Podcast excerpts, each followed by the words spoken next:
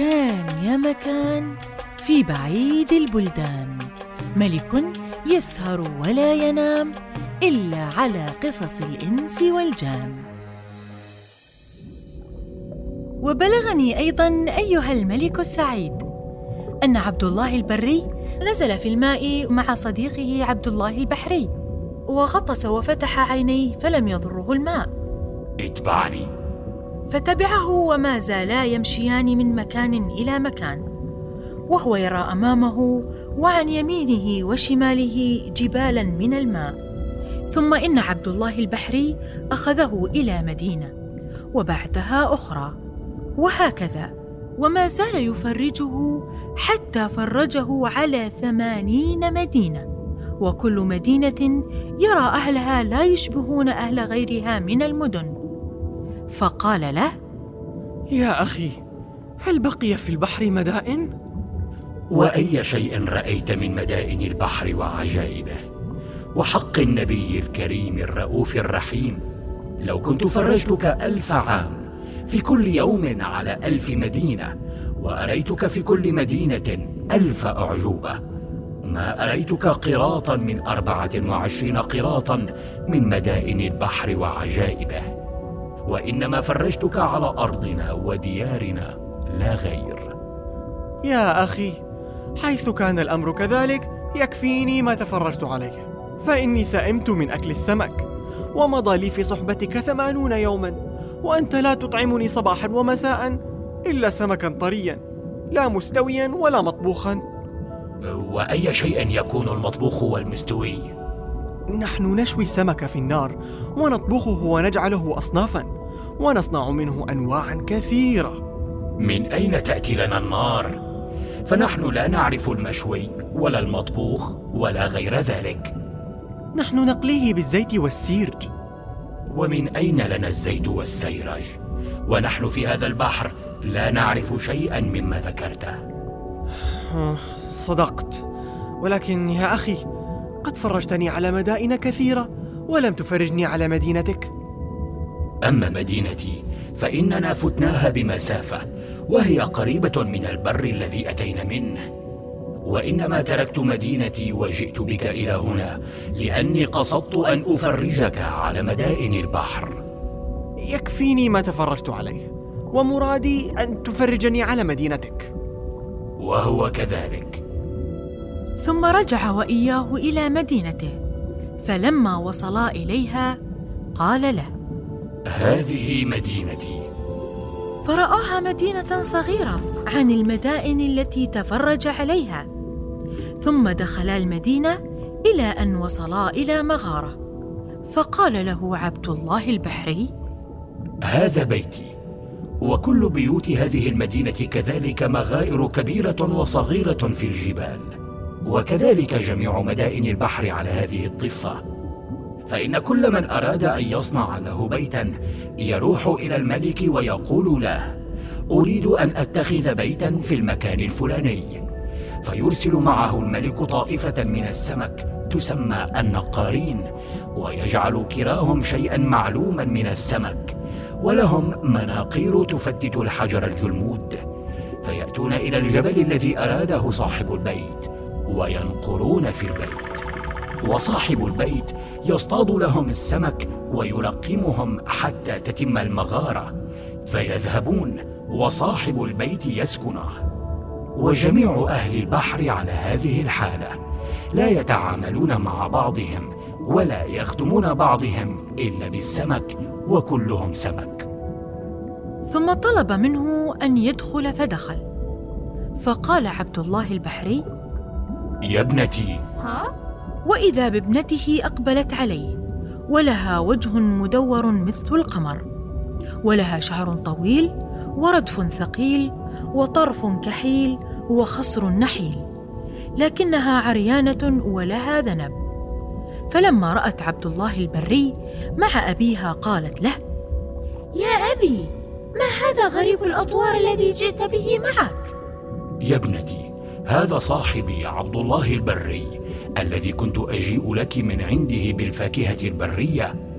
تعالي سلمي عليه. فتقدمت وسلمت عليه بلسان فصيح وكلام بليغ. فقال أبوها هات زادا لضيفنا الذي حلت علينا بقدومه البركة. فجاءت له بسمكتين كبيرتين كل واحدة منهما مثل الخروف. فقال له صديقه كل. فأكل غصبا عنه من الجوع لأنه سئم من أكل السمك وما عندهم شيء غير السمك.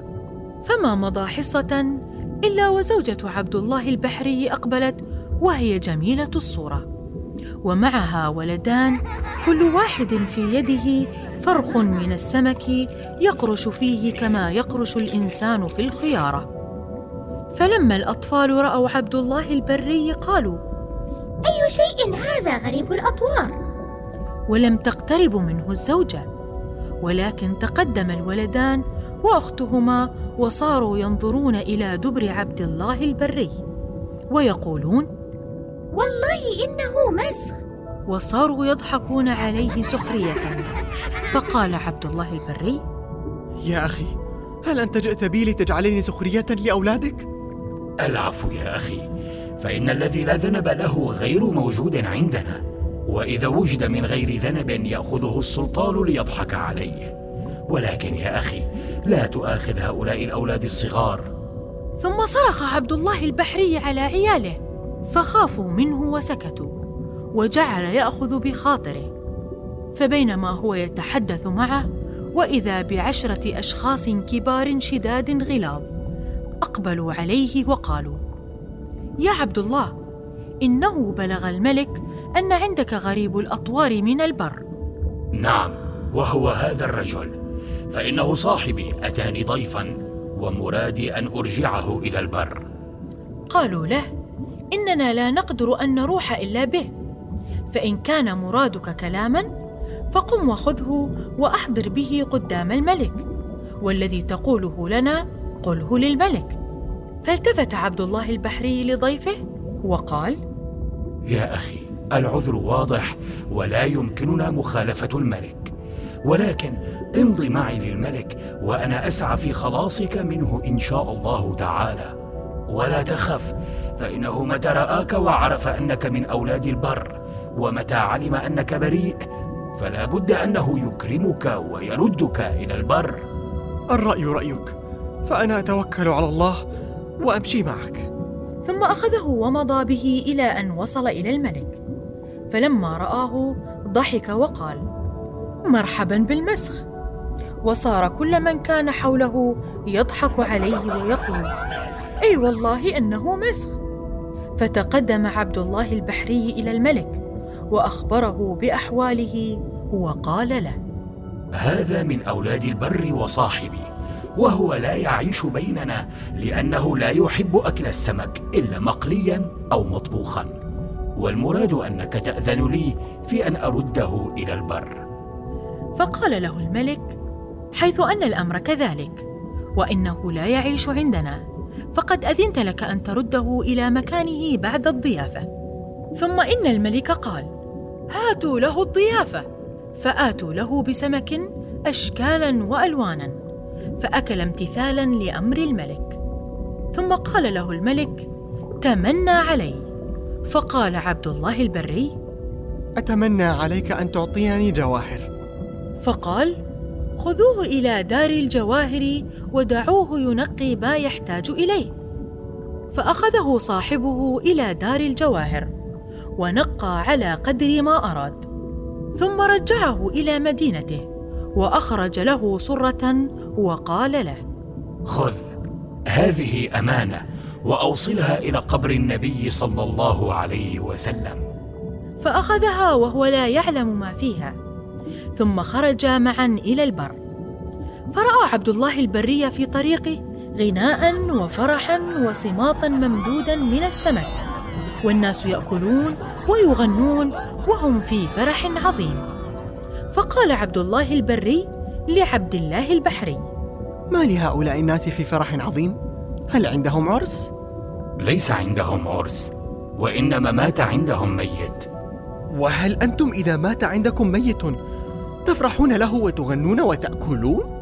نعم فتعجب عبد الله البري تعجبا شديدا وقال يا لكم من شعب غريبي الأطوار كيف يمكنكم أن تغنوا وتضحكوا وقد فقدتم أحدا عزيزا ألا تشعرون كما نشعر؟ ألا تحزنون كما يحزن الإنس؟ فسكت عبد الله البحري للحظة فقد أهانه عبد الله البري ثم قال وقد تغيرت نبرة صوته وأنتم ماذا تفعلون يا أهل البر؟ إذا مات عندنا ميت نحزن عليه ونبكي والنساء يلطمن وجوههن ويشققن جيوبهن حزنا على من مات وهذا الصح فحملق عبد الله البحري عينيه في عبد الله البري لمدة. ثم قال له هات الأمانة. فأعطاها له ثم أخرجه إلى البر وقال له قد قطعت صحبتك وودك فبعد هذا اليوم لا تراني ولا أراك.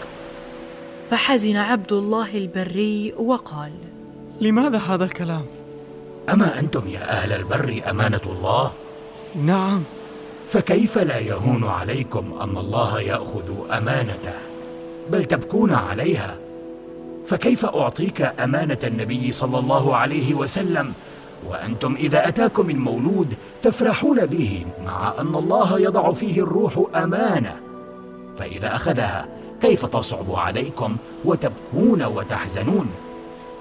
فما لنا في رزقكم حاجة. ثم تركه عبد الله البحري وقف عبد الله البري في مكانه لفترة ثم راح إلى البر فلبس حوائجه وأخذ جواهره وتوجه إلى الملك فتلقاه باشتياق وفرح به وقال له آه كيف أنت يا صديقي؟ وما سبب غيابك عني هذه المدة؟ فأخبره بقصته وما رآه من العجائب في البحر فتعجب الملك من ذلك. ثم أخبره بما قاله عبد الله البحري. فقال له أنت الذي أخطأت في إخبارك له بهذا الخبر. ثم استمر عبد الله البري مدة من الزمن وهو يروح إلى جانب البحر ويصيح على عبد الله البحري فلم يرد عليه ولم يأتي إليه. حزن عبد الله البري حزنا شديدا على فقدان صديقه وندم على ما فعله وثابر في ذهابه لجانب البحر كل يوم ولكنه لم يرى عبد الله البحري أبدا. ولم تكن إلا بعد سنين طويلة من المحاولة ان قطع عبد الله البري الرجاء منه واقام هو والملك وأهلهما في أيسر حال وأحسن أعمال. حتى أتاهم هادم اللذات ومفرق الجماعات. وماتوا جميعا. فسبحان الحي الذي لا يموت. ذي الملك والملكوت. وهو على كل شيء قدير. وبعباده لطيف خبير. وأدرك شهرزاد الصباح فسكتت عن الكلام المباح.